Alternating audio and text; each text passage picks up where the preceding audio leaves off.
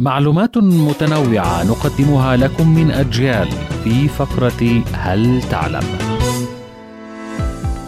يقال في كتب التاريخ أن القدماء المصريين كانوا أول من وضع التقويم الميلادي وقد توصلوا لأن عدد أيام السنة 365 يوما في المقابل تشير المعلومات أن تعداد ملوك فرنسا ممن حملوا اسم لويس هم 18 ملكا وأن أول من اخترع البوصلة هم الصينيون ثم قام البحار العرب بنقلها إلى بلاد المشرق.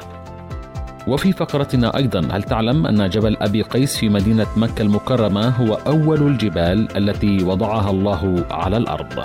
كانت هذه فقرة هل تعلم من أجيال؟ قرأها محمد إبراهيم.